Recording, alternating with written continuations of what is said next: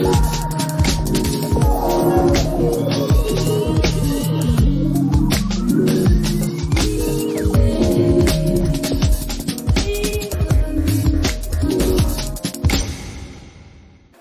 književnosti nije u tome da pišete, već da napišete šta mislite, rekao je Robert Louis Stevenson.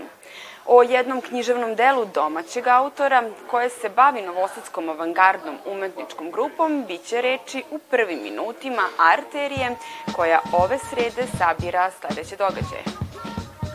Promocija monografije Slavka Bogdanovića, Divlja sloboda umetničke avangarde grupa Kod u dokumentima i vremenu u knjižari Bulevar Books. Predavanje Vladimira Pištala na temu kreativnost i multikulturalnost Srbija i Amerika u Kulturnom centru Vojvodine Miloš Crnjanski. Koncert gitariste Stevana Jovića u Matici Srpskoj.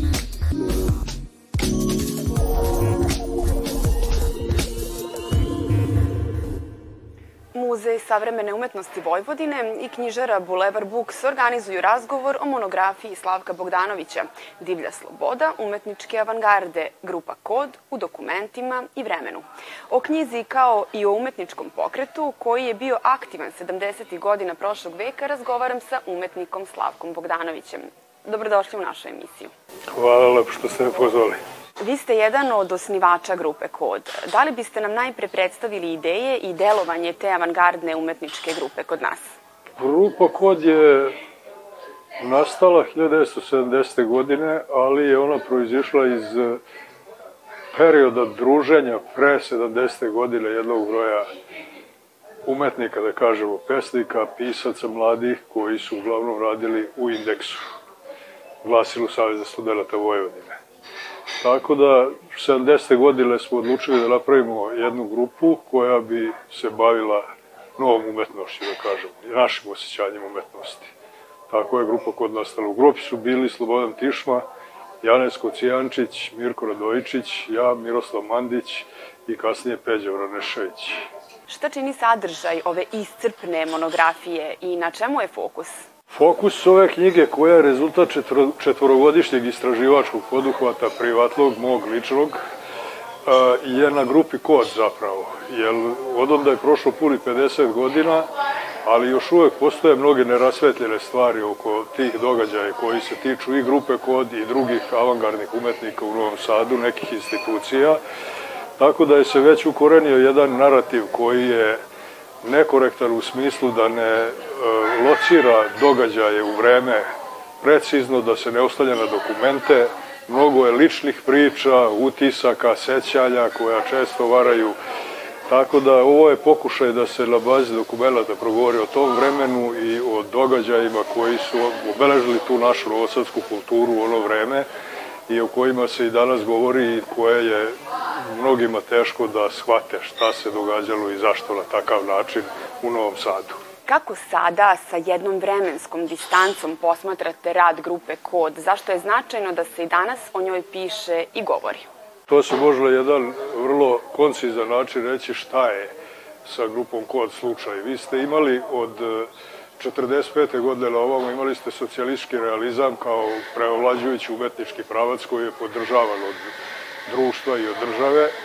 Imali ste modernizam koji je se pojavio i razvio intenzivno, razvijao intenzivno posle raskida sa Sovjetskim savezom i sa Informirovom u toj kulturi. Međutim, grupa Kod je nešto treće to je ono što je taj kvalitet koji nikad nije dovoljno istražen od kunske istoričarske struke. Šta je to treće bilo? Po mom mišljenju to je bio reizam koji je došao preko slovenačke grupe OHO, slične avangardne grupe umetničke, i to je zapravo nasledđe jednog filozofskog, jedne filozofske ideje, da kažemo, ili jednog filozofskog kompleksa ideja filozofskih, Tadeuša Kontabrinskog s kraja 20. veka, jednog poljskog filozofa, Tako da iz tog realizma je proišao, proizišao rad grupe Kod i ova knjiga mislim da to pokazuje i dokumentuje. Hvala vam puno na razgovoru, a promocija ove monografije biće održana sutra od 19 časova, baš ovde u knjižari Bulevar Books.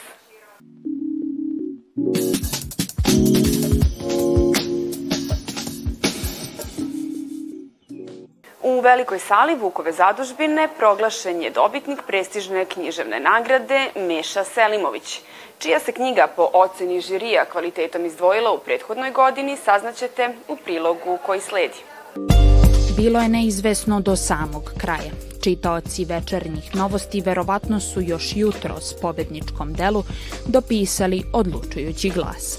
Pesničku knjigu Nebojše Lapčevića nominovalo je 15 članova velikog žirija. Filatelist je e, celovita knjiga, to jeste jedan putopis, ali je i imaginacija, ali to su i filozofeme. E, i e, ona je odiše jednim jednim duhom od početka do kraja ima svoju arijadinu nit koja čini mi se da čitaoca izvlači od početka do kraja. Stihovi praćeni poštanskim markama vode čitaoca u različite krajeve sveta. Autor putuje kroz istoriju literature i donosi doživljaje različitih kultura. U podnaslovu nostalgično pita, stižu li ti pisma prijatelju? Pismo smo zmajevi od papira, nešto neuhvatljivo i meni se čini da smo mi generacija koja je još pamta onaj 20. vek kada su pisma, azis, karte, razglednice, e, tako bila likovna poetika koja me nadahnula da ja ovo pišem. 53 član žirija različitih generacija i književnih poetika koji dolaze iz 25 mesta i gradova izdvajala su po pet dela, objavljenih u prethodnoj godini. Ovaj način žiriranja nagradu Meša Selimović čini svojevrsnim, demokratskim, kulturnim ritualom.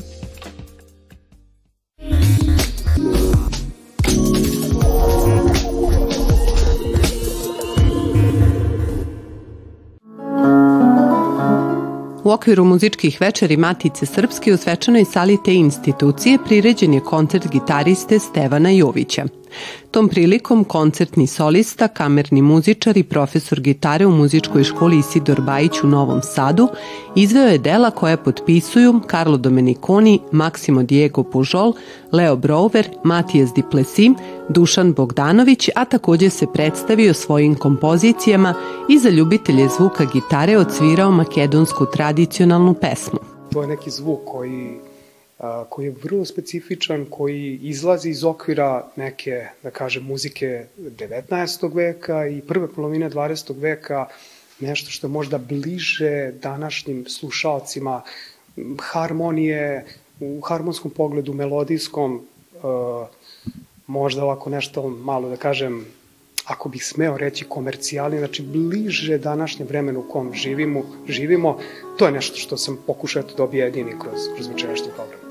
Repertoar obojen šarolikim španskim, italijanskim, kubanskim i tonovima domaćih autora doneo je jedinstven spoj klasičnog zvuka, džeza i muzičkog folklora u interpretaciji gitariste ovenčanog brojnim priznanjima, među kojima je prva nagrada za najbolju ideju i postignute rezultate u preduzetništvu na takmičenju u Indijani. Dobro, sad ta takmičenja manje više, ne, nekada i znači, nekada i ne toliko, ali Treba samo biti vredan, vežbati i verovati u sve ovo. Za one koji nisu bili u prilici da uživaju u muziciranju profesora, čiji su učenici osvojili više od 50 nagrada na domaćim i međunarodnim takmičenjima, Matica Srpska upriličila je direktan prenos i snimak koncerta na svom YouTube kanalu.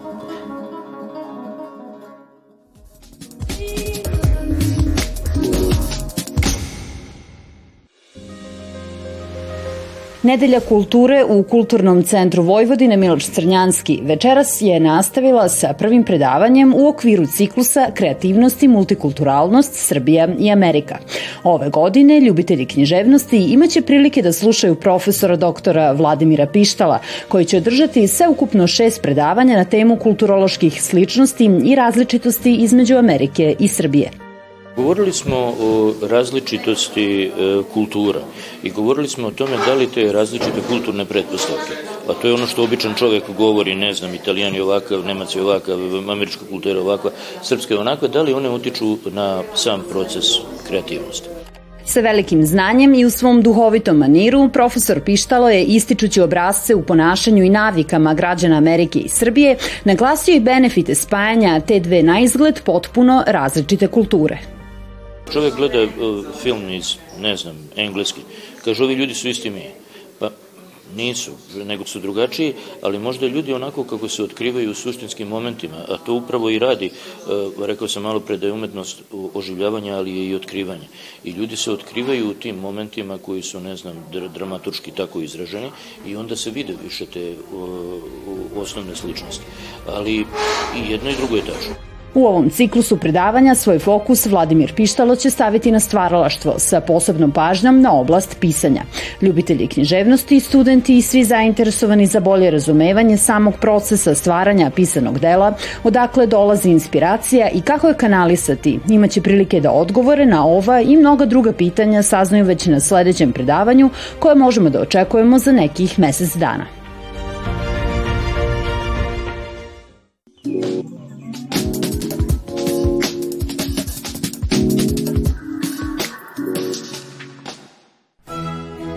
Somborski venac je zaštićen u gradskoj jezgru u kome su u drugi polovine 19. veka nastajala poznata znanja javno-kulturnog i društvenog života grada. Na izložbi Vekovi Somborskog venca prvi put su izloženi originalni arhitektonski radovi, karte, tlocrti, izgradnja i adaptacija poznatih somborskih zgrada i skice rađene rukom iz arhivskih fondova kada je kanalom utvrđena, utvrđen Sombor kao tvrđava vodom iz tadašnje reke Mostonge, pa sve do preko perioda kada smo bili pod austrijskom, a, austrougarskom vlašću do 1918. godine, obuhvatajući period kada Marija Terezija 1749. godine potpisuje privilegijalno pismo i Sombor dobija status slobodnog kraljevskog grada. Porodične kuće znamenitih ličnosti građane u stilu klasicizma, kasnog baroka, secesije i drugih arhitektonskih pravaca krase ulice grada i danas i predstavljaju prepoznatljivu arhitektonsku celinu kojom se Somborci ponose. Činjenica je da Sombor sva svoja zdanja ima širom širom tog gradskog jezgra rasprostranjena. Mnogi gradovi imaju samo određene delove, neke ulice sa zdanjima. U Somboru je to mnogo raširenije.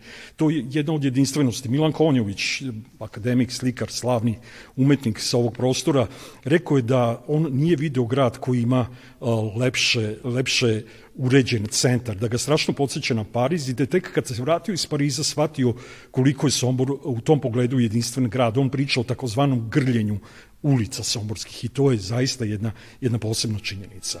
Izložba koju su pripremili Gradski muzej i Istorijski arhiv prikazuje istoriju razvoja Somborskog venca s ciljem da ukaže na značaj očuvanja i zaštite kulturnog nasleđa. Izložba će biti otvorena do 10. marta. Stigli smo do kraja ovog izdanja Arterije. Budite sa nama i sutra u isto vreme i ne propustite priče iz kulture koje pripremamo za vas. Prijetno!